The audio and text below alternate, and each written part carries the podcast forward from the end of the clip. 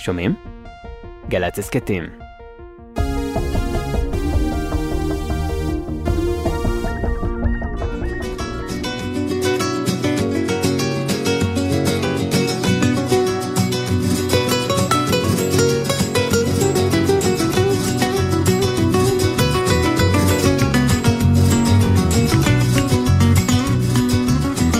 ערב טוב, שבת שלום, אנחנו בשש בשישי בגלי צה"ל.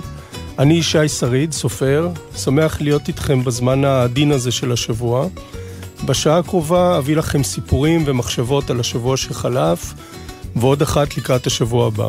מקווה שנהנה ביחד.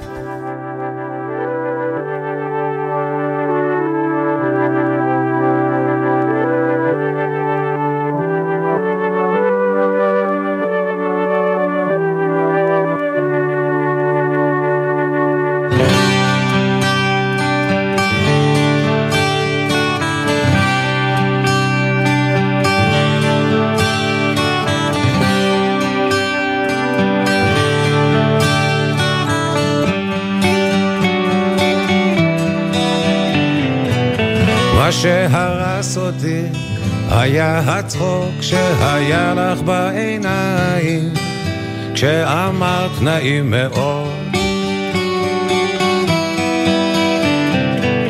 מה שהמיס אותי היה החום שזרם ממך כשנתת לי ידך. הייתה זאת אהבה ממבט ראשון, כמו בסיפורים. אהבה ממבט ראשון.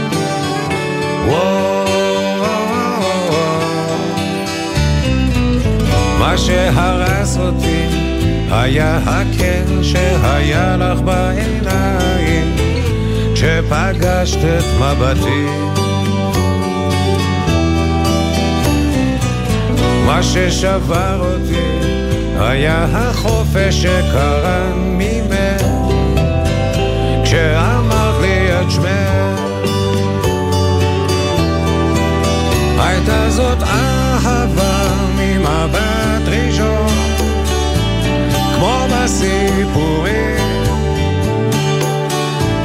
אהבה ממבט ראשון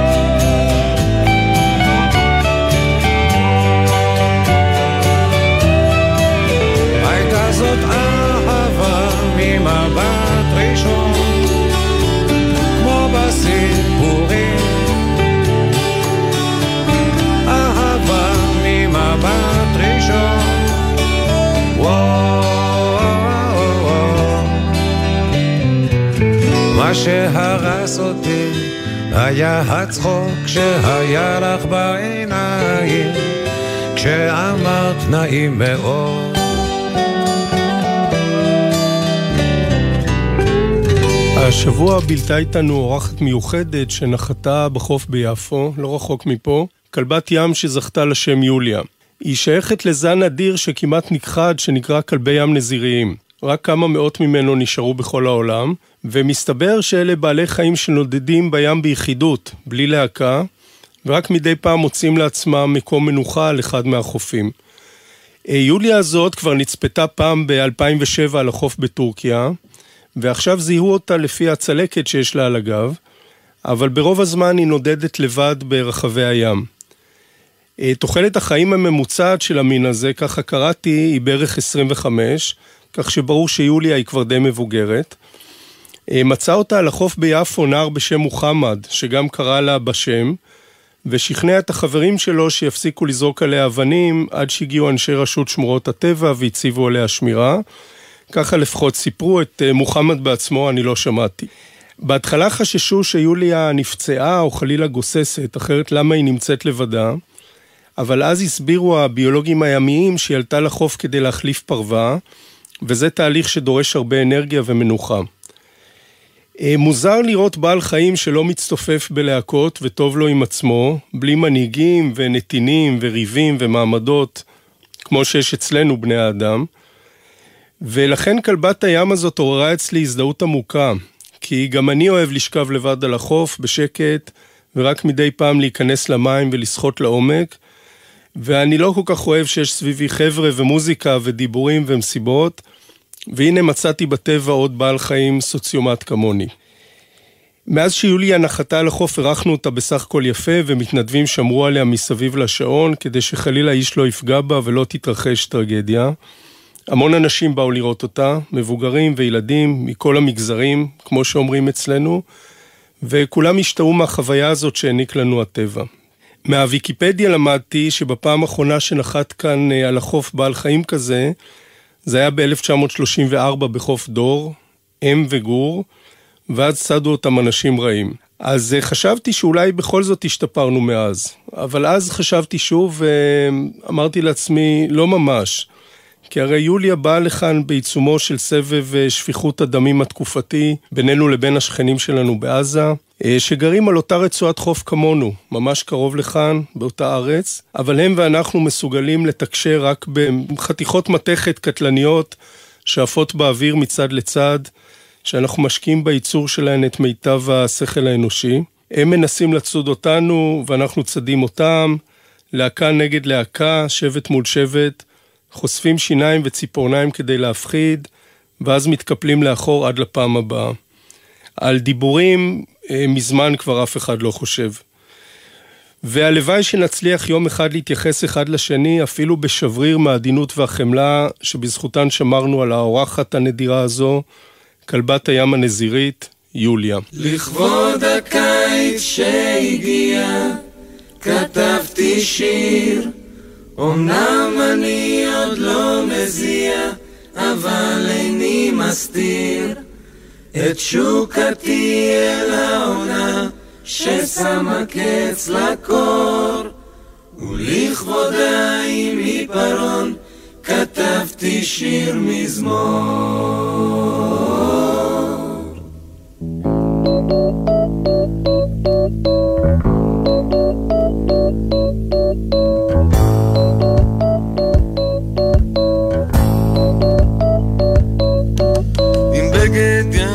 יצאתי פעם אל חוף ביום אביב. צמיחה מבעד עיתון ביד ושמש מסביב. מצאתי חול פנוי מכל אדם ובהמה ואת עצמי פרקדתי בין ים ליבשה. גלים על פני המים ושקט של שמיים חלום אביב עולה, ואותי הוא ממלא.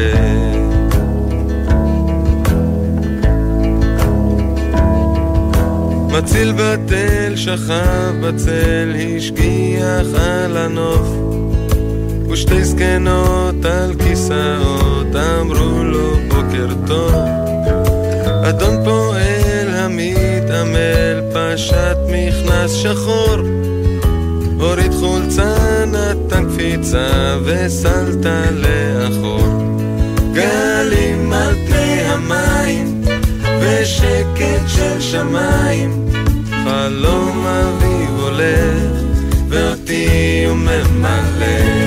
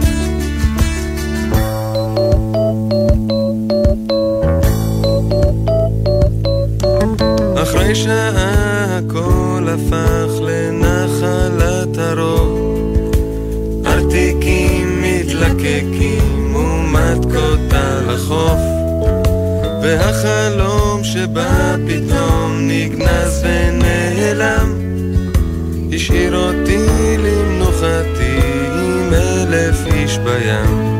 גלים על פני המים, ושקט של שמיים, חלום אביב עולה, ואותי הוא ממלא.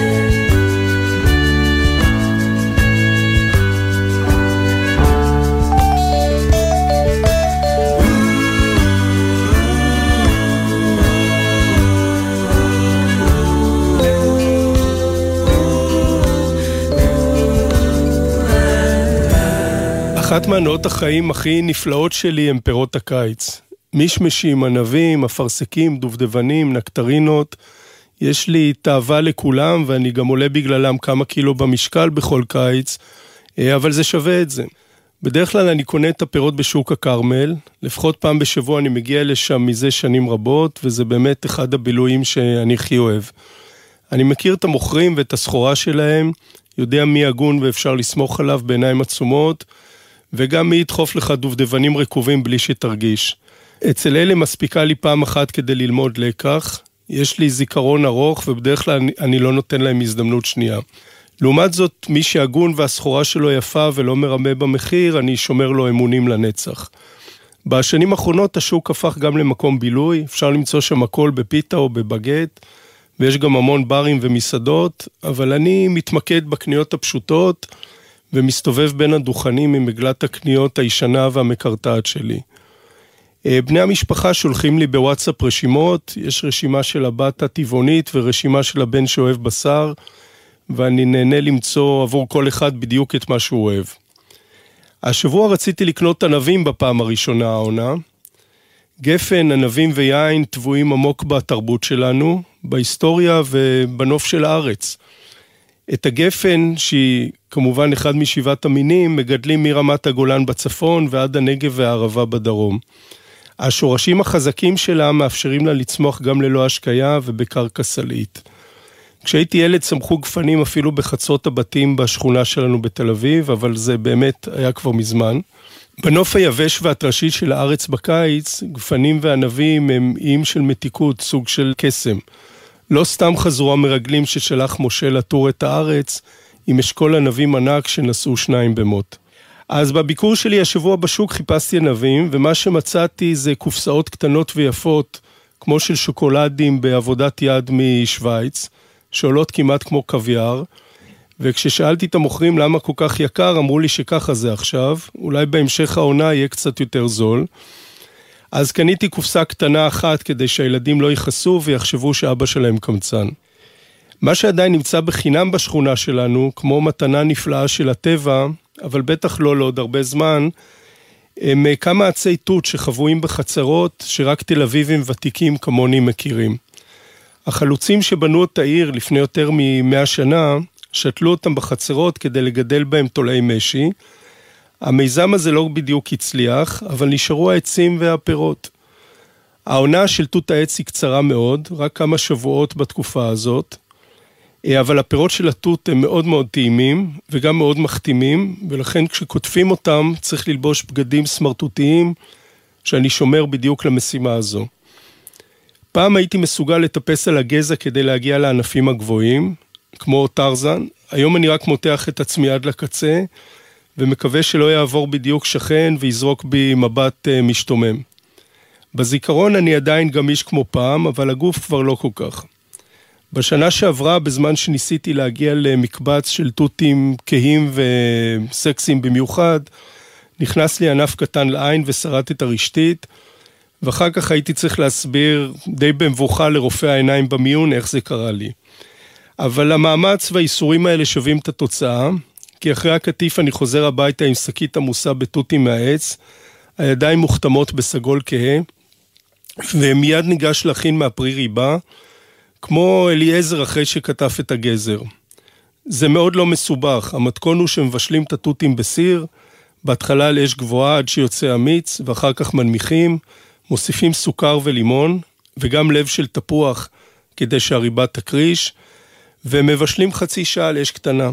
בסוף מכניסים את הריבה לצנצנות, ויוצא מעדן גן עדן, שכפית אחת ממנו ממתיקה גם את היום הכי הכי אפור.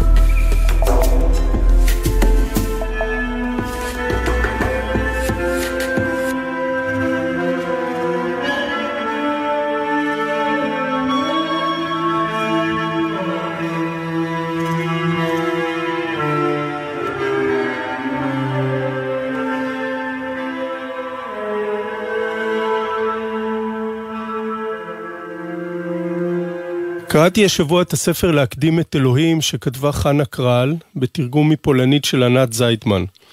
הספר יצא לאור במהדורה מחודשת בעברית לרגל 80 שנה למרד גטו ורשה, שהתרחש באפריל 1943. הספר מבוסס על שיחות של המחברת עם מרק אדלמן, יהודי פולני שהיה ממפקדי המרד, סגנו של מרדכי אנילביץ'. אדלמן נשאל בספר מדוע נבחר אה, אנילביץ' להיות המפקד, והוא עונה, אה, הוא מאוד רצה, אז בחרנו אותו. זה היה רצון קצת ילדותי מצידו, אבל הוא היה בחור מוכשר, קרא ספרים, היה מלא מרץ. אימא שלו הייתה מוכרת דגים. התשובה הזאת אה, ממחישה את צורת הדיבור והמחשבה של אדלמן, מאוד מינורית, צנועה, לא הירואית, מפוקחת מאוד, עם הומור דק ועצוב, כמו שמדברים גיבורים אמיתיים שלא מתרברבים בגבורתם. המורדים, אנחנו יודעים, החזיקו מעמד יותר משבועיים עם כמה רובים ואקדחים ורימוני יד, נגד כוח עצום וחמוש היטב של הצבא הגרמני. בסוף, כשהגרמנים שרפו את הגטו, הצליח אדלמן לברוח עם כמה מאנשיו דרך תעלות הביוב, ונשאר בחיים. אדלמן היה בזמן המרד בן 20, חבר תנועת הבונד הסוציאליסטית, ביקר את ישראל אחרי המלחמה ונשאר לחיות בפולין. כנראה בגלל זה לא זכה אצלנו למקום הראוי לו בזיכרון ההיסטורי. בפולין לעומת זאת הוא נחשב לגיבור. אחרי המלחמה למד אדלמן רפואה ועבד שנים רבות כקרדיולוג, רופא לב בבית חולים. אני רוצה לקרוא לכם מעט שבמעט מהספר ומהדברים החכמים שאדלמן, שנפטר ב-2009, אמר בו. יום אחד ראיתי ברחוב ז'לזנה קהל מתאסף סביב חבית, חבית עץ רגילה, שעליה עמד יהודי. זקן, נמוך, עם זקן ארוך. לידו עמדו שני קצינים גרמנים, שני גברים יפים, תמירים, ליד יהודי קטן ושפוף. והם גזזו לו במספרי חייטים את הזקן הארוך שלו, קבוצה קבוצה, והתפוצצו מצחוק. המון מסביב צחק גם כן. מבחינה אובייקטיבית זה היה באמת מחזה משעשע, איש קטנצ'יק על חבית עץ, שהזקן שלו הולך ומתקצר, עד שנעלם כליל תחת מספרי החייטים. כמו איזה גג בקולנוע. באותו זמן הגטו עדיין לא היה קיים, לכן המראה הזה לא עורר פלצות. הרי לא קרה שום דבר נורא, רק זה שאפשר בלי חשבון להעמיד יהודי על החבית, ואנשים כבר התחילו לקלוט שאפשר לעשות את זה בלי חשבון ושזה מצחיק. תשמעי, אז הבנתי שהדבר החשוב ביותר הוא לא לתת שיכריחו אותך לעלות על החבית. אף אחד, אף פעם, את מבינה? כל מה שעשיתי בהמשך, עשיתי כדי שלא יוכלו להכריח אותי. מכל הדברים הנוראים שאדלמן ראה אחר כך במלחמה, המראה הזה נחרט עמוק בנפשו. ההשפלה הזו של אדם ברחוב, אדם יהודי. כבר אז הוא הבין שכאשר חוצים את גבול האנושיות ורומסים כבוד אפילו של אדם אחד, הדרך לתהום קצרה מאוד. אחרי המלחמה הקדיש אדלמן את חייו כרופא להצלת המטופלים שלו, והדברים שהוא אומר בספר על הצלת חיים מאירי עיניים. סיפרו לי, שואלת אותו המראיינת, שכשיש לך מקרים רגילים ולא מסוכנים, אתה כאילו עושה את העבודה שלך. אבל אתה מתעורר באמת כשמתחיל המשחק, כשמתחיל המרוץ נגד המוות. הרי זה התפקיד שלי, ענה לה אדלמן. אלוהים כבר רוצה לכבות את הנר, ואני חייב, ברגע של היסח דעת שלו, לשוחח מהר על הלהבה, שתבער קצת יותר ממה שהוא היה רוצה. חשוב לדעת, ריבונו של עולם הוא לא צדיק כל כך גדול, אז יש כאן גם סיפוק, שאם אתה מצליח, כאילו הולכת אותו שולל. להתחרות באלוהים? איזו יוהרה. תשמעי, כשאתה מלווה אנשים לרכבות, אז יכולים להישאר לך כמה עניינים לא פתורים איתו. וכולם עברו לידי, כי עמדתי ליד השער מהיום הראשון עד האחרון. כולם, 400 אלף אנשים עברו על פניי בדרך לטרבלינקה. כמובן לכל חיי אדם יש אותו סיום, אבל האתגר הוא לדחות את גזר הדין. בשמונה, עשר, חמש עשרה שנים זה בכלל לא מעט. מרק אדלמן גיבור, אדם מציל נפש, כדאי לקרוא את הספר היפה הזה.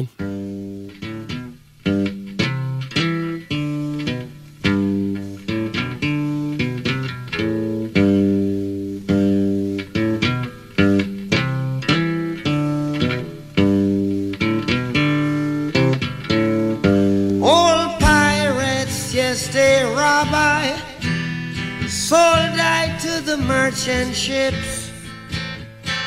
Minutes after they took I from the bottomless pit, but my hand was made strong by the hand of the Almighty. We forward in this generation triumphantly won't you help to sing these songs of freedom? Cause all I ever have redemption songs, redemption songs. Emancipate yourselves from mental slavery. None but ourselves can free our minds. Have no fear for atomic energy, cause none of them can stop the time. How long shall they kill our prophets while we stand aside and look? Ooh, some say it's just a part of it. We've got to fulfill the book. Won't you help to sing these songs of freedom? Cause all I ever have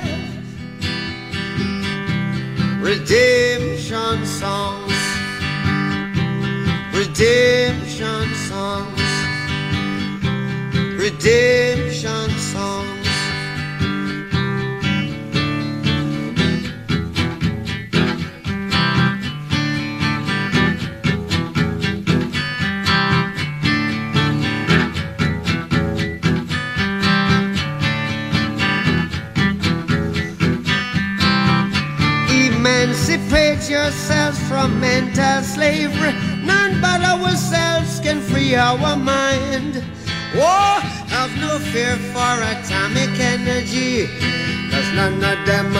can stop at the time.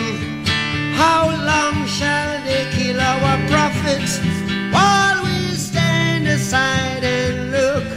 Yes, some say it's just a part of it. We've got to fulfill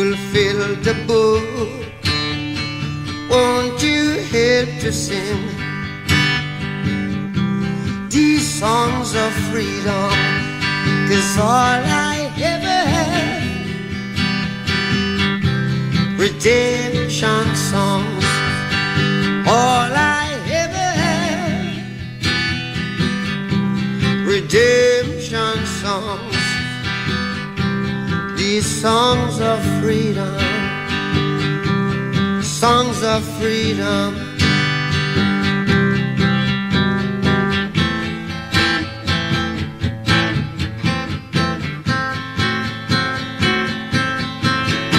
השבוע הוקרן במסגרת פסטיבל דוק אביב סרט יהודי על אבא שלי, יוסי שריד, זכרו לברכה.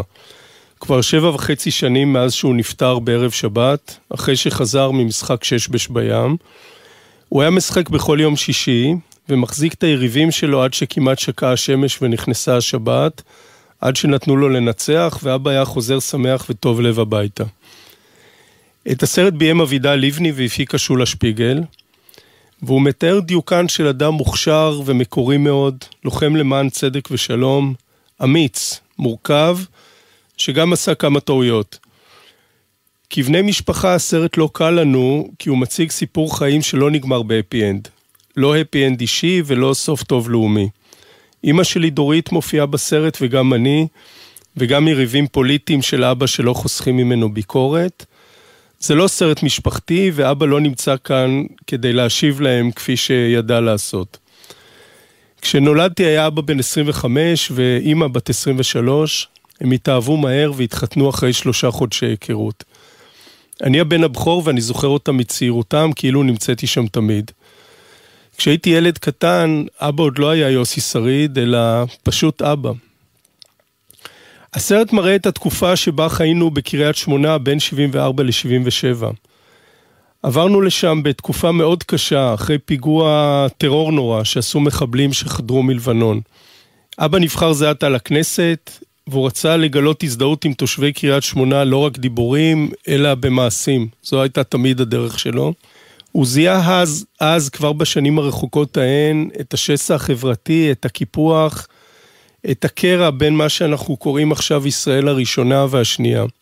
ואבא חשב בתמימות שלו ובאידיאליזם שלו שיצליח לאחות את השסע הזה באמצעות המגורים שלנו שם, בגופו ובגופנו. זה התחיל טוב, קיבלו אותנו יפה, אבל נגמר די רע. את כל החיים הפוליטיים שלו אבא הקדיש למקופחים ולאלה שנמצאים בשוליים, וקם כל בוקר להילחם בשבילם. הם היו קבוצת הייחוס שלו, אבל מעולם לא בחרו בו. אבא היה סוציאליסט והוא שאף לתת לכל ילד הזדמנות להגיע לכל מה שירצה בחיים, לילד בקריית שמונה בדיוק כמו לילד מתל אביב. הוא היה מורה לאזרחות בתיכון ועשה כל מה שביכולתו כדי לקדם את העיר ואת תושביה.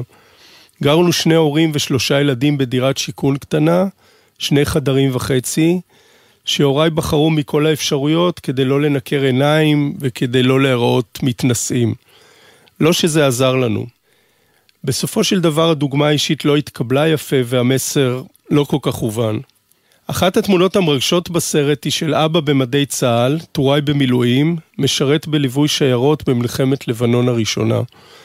הוא היה מתנגד חריף למלחמה, וספג על כך הרבה שנאה, אבל בה בעת התנדב לשירות המילואים המסוכן הזה כדי להיות עם האנשים ולשאת בנטל.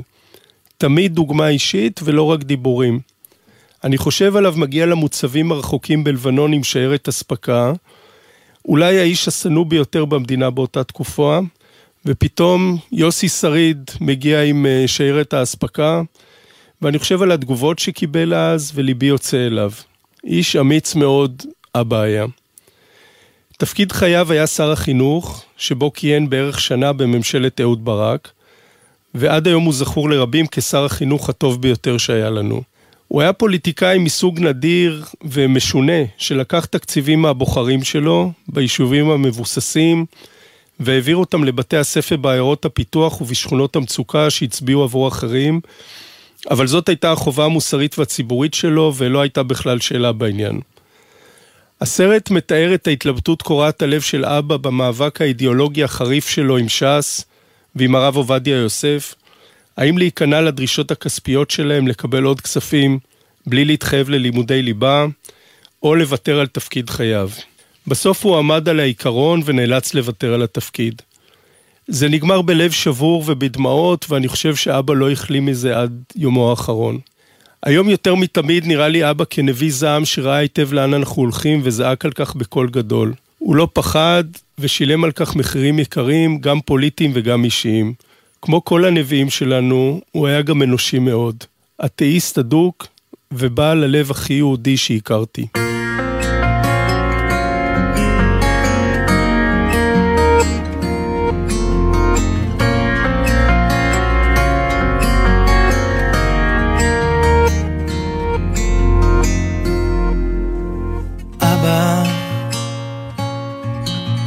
חבר אמר לי לכתוב שיר עליך. על כל מה שראיתי בפניך. על השלווה ללא מילים הניחוחות והצלילים. הכל היה כל כך יפה בעיניך. אבא זוכר את השבילים לבית הספר את כל המנגינות מתוך החדר. שהקשבת איך אני שר עם המבט המאושר והחיוך המתחבא בין שפתיך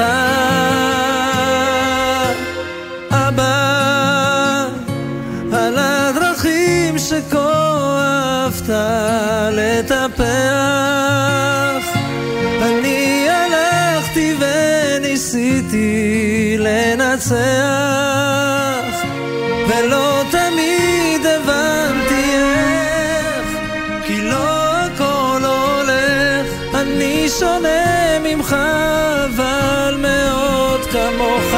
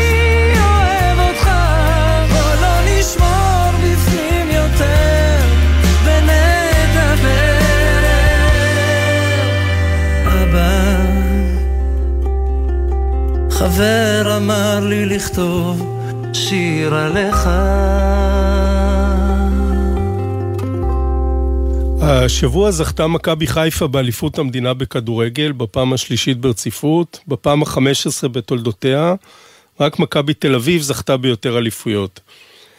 אני פריק של כדורגל, בבוקר אני פותח את העיתון דבר ראשון במדור הספורט, לראות את התוצאות של אתמול ואת המצב בטבלה בישראל, אבל גם באנגליה ובאיטליה ובספרד, ובטלוויזיה זה בערך מה שאני רואה, ספורט. אני יודע כמה חלשה הליגה שלנו, אבל בכל זאת חשוב לי מאוד לדעת בזמן אמת כמה יצא הפועל חדרה נגד סכנין, או נתניה נגד אשדוד. את השבתות הכי יפות בילדות ביליתי עם אבא ביציע של בלומפילד. זכיתי לראות משחקים את שפיגל ושפיגלר ואת ריפה טורק, וביציע את אריק איינשטיין עם אלי מוהר, שכתב הכי יפה אי פעם על ספורט.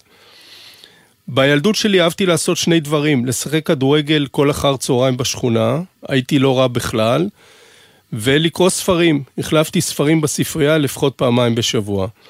חלמתי להבקיע את שער הניצחון של נבחרת ישראל בגמר הגביע העולמי, וגם להיות סופר כמו דבורה עומר או ארתור קונן דויל. כדורגל וספרים זה בעיניי עד היום השילוב המנצח לחיים טובים, וכדאי לכם מאוד לנסות. אני אוהד הפועל תל אביב, ככה זה מהבית, לאוהד את האנדרדוגס ואת המפסידים, אבל לחיפה יש לי סימפתיה מאז שהייתי ילד. מה שיפה במכבי חיפה של הדור הזה הוא הקהל האדיר שלה, והשילוב המוצלח בין השחקנים היהודים והערבים והזרים. לצערי אני לא מכיר מספיק את העיר, אבל בכל פעם שאני מגיע לחיפה אני מרגיש באוויר את הרוח המיוחדת ששוררת בה.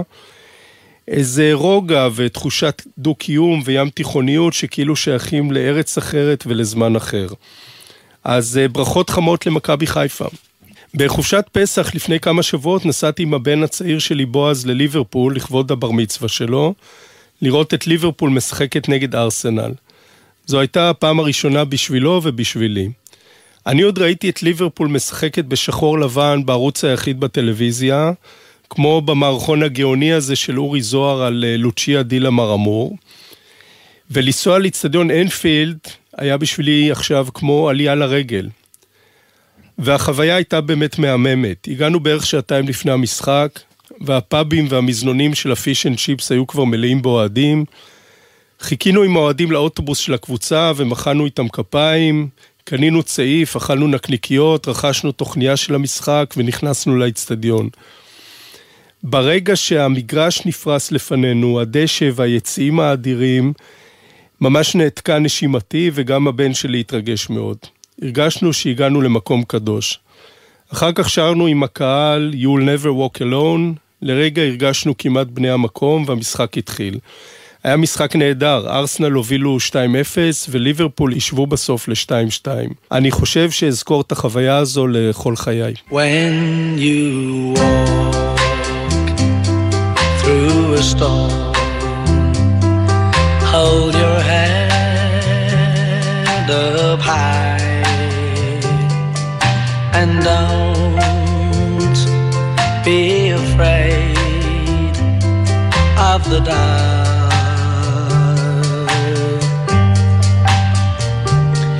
At the end of a storm, there's a golden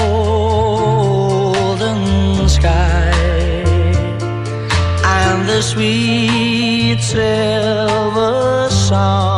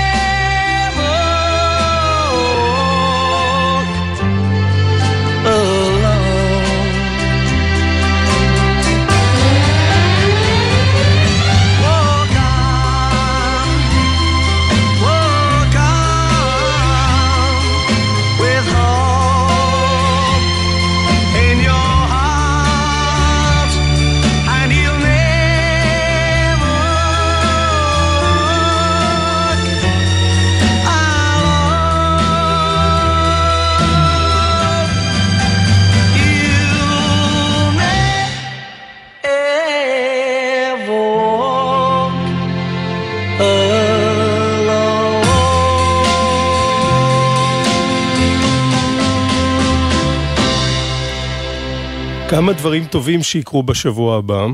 תל אביב מלאה עכשיו בעצי סיגלון שנמצאים בפריחה משגעת, שמרגיעה גם לב כועס ומודאג. ובשבוע הבא אלך תחתיהם ברגל או ארכב ביניהם על האופניים ואתפעל מהיופי הזה. בשבוע הבא אולי, אם לא אתעצל, אתחיל את עונת השחייה שלי.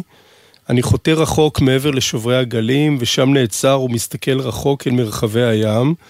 אדם חופשי לרגע, בלי טלפון ונדנודים והתחייבויות, ושוכח את העיר הסואנת מאחוריי. רחוק מהחוף שוחות להקות דגים גדולות שמתחדשות שנה אחר שנה, ואני שוחה ביניהם כמו יצור גדול ומוזר עד שמתעייף וחוזר לחוף. בשבוע הבא יגיע חג שבועות ואני מצפה לפיקניק המשפחתי שאנחנו עושים בכל שנה וגם לטעום מעוגות הגבינה הנהדרות. שבועות הוא גם החג של מגילת רות, שהיא סיפור מעורר השראה של אהבה וסובלנות ונדיבות וקבלת האחר, כל מה שחסר לנו בעצם בימים האלה. נדיבות היא בעיניי התכונה היפה ביותר, הביטוי המעשי והאמיץ של חמלה כלפי אחרים. יש לי גם קשר אישי למגילה הזאת, כי הגיבורים שלה, רות ובועז, היו סבא וסבתא של ישי המקראי, שעל שמו נקראתי אביו של דוד המלך. בשבוע הבא אולי תחזור אלינו כלבת הים יוליה, ואולי תישאר במעמקי הים, עטוית פרווה חדשה, ונוכל לשבח את עצמנו שהערכנו אותה ושמרנו עליה היטב. אני רוצה לשלוח אתכם לשבת עם שיר של המשוררת הנפלאה זלדה, בת ירושלים, שנקרא הדליקו נר. הדליקו נר, שתו יין. השבת כתפה בלט את השמש השוקעת. השבת יורדת לאט, ובידה שושנת הרקיעים. איך תשתול השבת פרח עצום ומאיר, בלב צר ועיוור. איך תשתול השבת את ציץ המלאכים, בלב בשר משוגע והולל. התצמח שושנת העל מוות בדור של עבדים להרס, בדור של עבדים למוות? הדליקו נר, שתו יין. השבת יורדת בלט, ובידה הפרח, ובידה השמש השוקעת.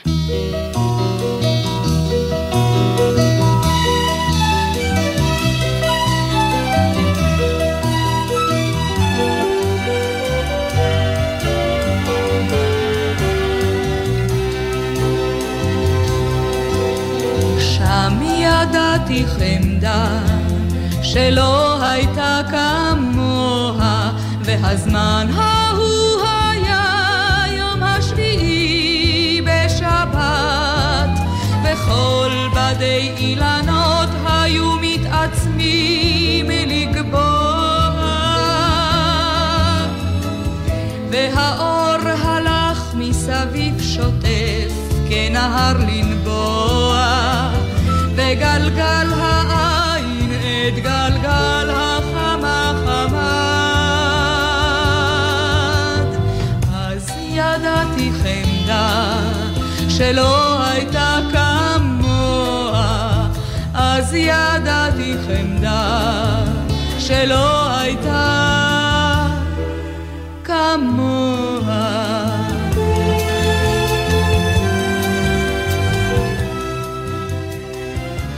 העורך הוא עומר לוטקביץ', באולפן משיל מקייס, על הביצוע הטכני אורי דהן, אני ישי שריד, שתהיה לכם שבת שלום.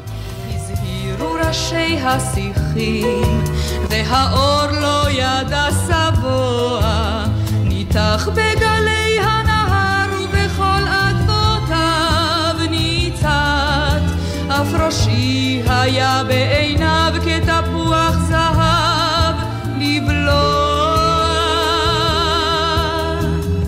שושני נהר צהובות פערו את פיהן לבלוע, את אדמות הנהר בחוף זן בגבעול השט. אז ידעתי חמדה שלא הייתה כמוה, ואותו היום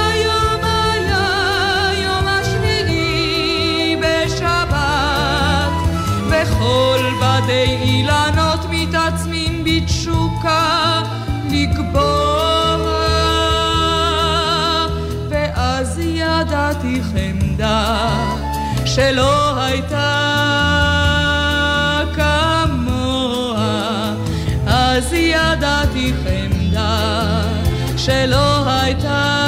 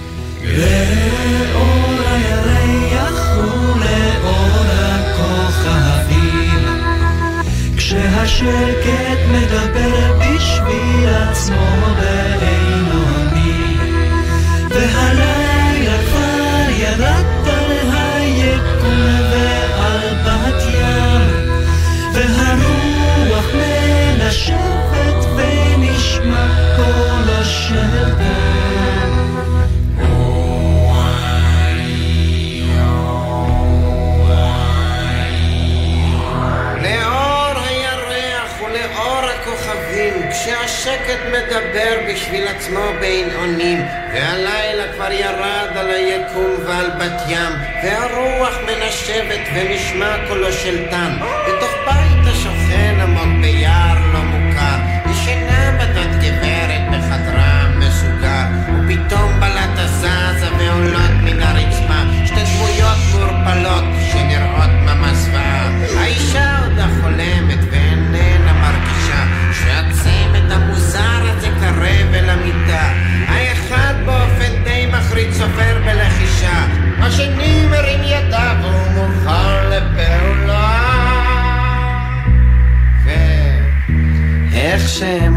זה משגע.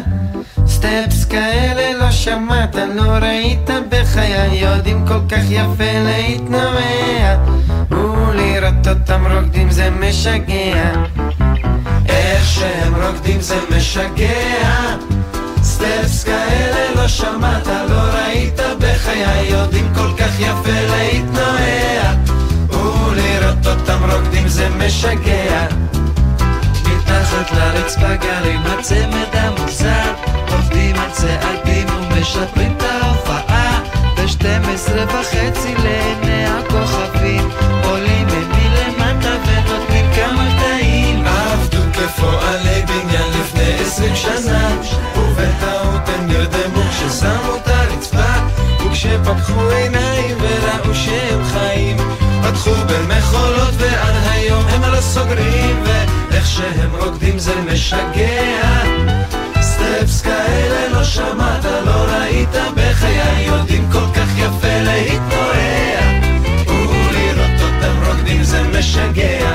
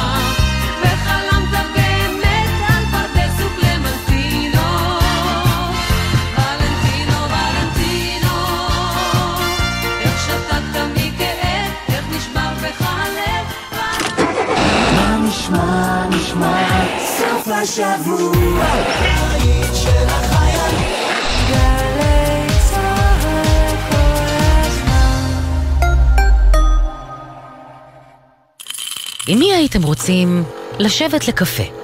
קפה כזה של שבת בבוקר. ברגע של נחת, שאפשר לדבר על הכל. נורית קנטי מזמינה אתכם להצטרף אליה בכל שבת ב-8 בבוקר לשיחה אישית עם דמויות מפתח בחברה הישראלית.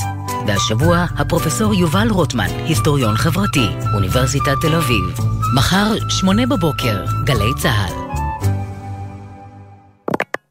מיד אחרי החדשות, ליאור פרידמן עם